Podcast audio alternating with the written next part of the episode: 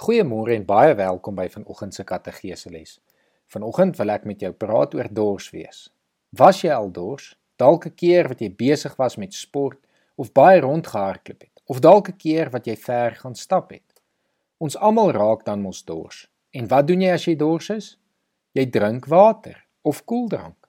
Wie van julle was egter al so dors dat jy gedink het jy gaan nooit genoeg water kan drink om jou dors te les nie? Ek glo 'n hele paar. Gelukkig weet ons, as ons genoeg water drink, gaan ons dors weg. Daar is net een probleem. Dit kom altyd weer terug. Sodra ons weer hardloop en speel, dan raak ons weer dors en moet ons weer water drink. Daar is 'n storie in die Bybel waar Jesus vir vrou gesê het, hy kan vir haar water gee wat sal maak dat sy nooit weer dors sal kry nie. Kom ons lees dit saam uit Johannes 4 vanaf vers 1. Die Fariseërs het gehoor dat Jesus meer disippels maak en doop as Johannes. Eintlik was dit nie Jesus wat gedoop het nie, maar sy disippels. Toe Jesus dit verneem, het hy Judea verlaat en weer na Galilea toe gegaan. Hy moes deur Samaria gaan.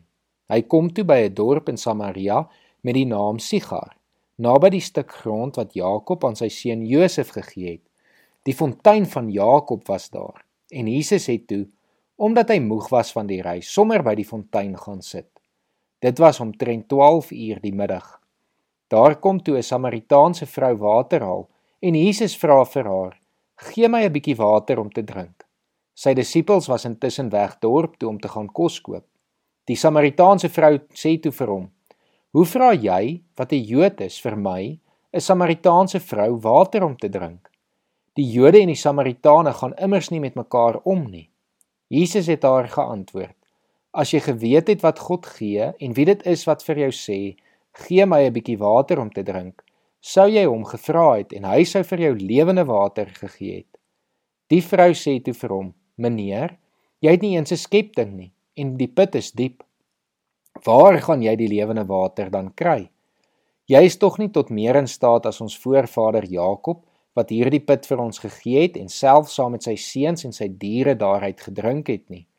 Maar Jesus antwoord haar: Elkeen wat van hierdie water drink, sal weer dors kry. Maar wie van die water gedrink het wat ek hom sal gee, sal in alle ewigheid nooit dors kry nie. Nee, die water wat ek hom sal gee, sal in hom 'n fontein wees met water wat opborrel en vir hom die ewige lewe gee. Die vrou het vir hom gesê: "Meneer, gee vir my van daardie water sodat ek nie weer dors sal kry en hier hoef te kom water haal nie. Jesus het hier nie van regte water gepraat nie, maar van die ewige lewe. Jesus het hier bedoel dat as ons in hom glo, hy vir ons die ewige lewe sal gee.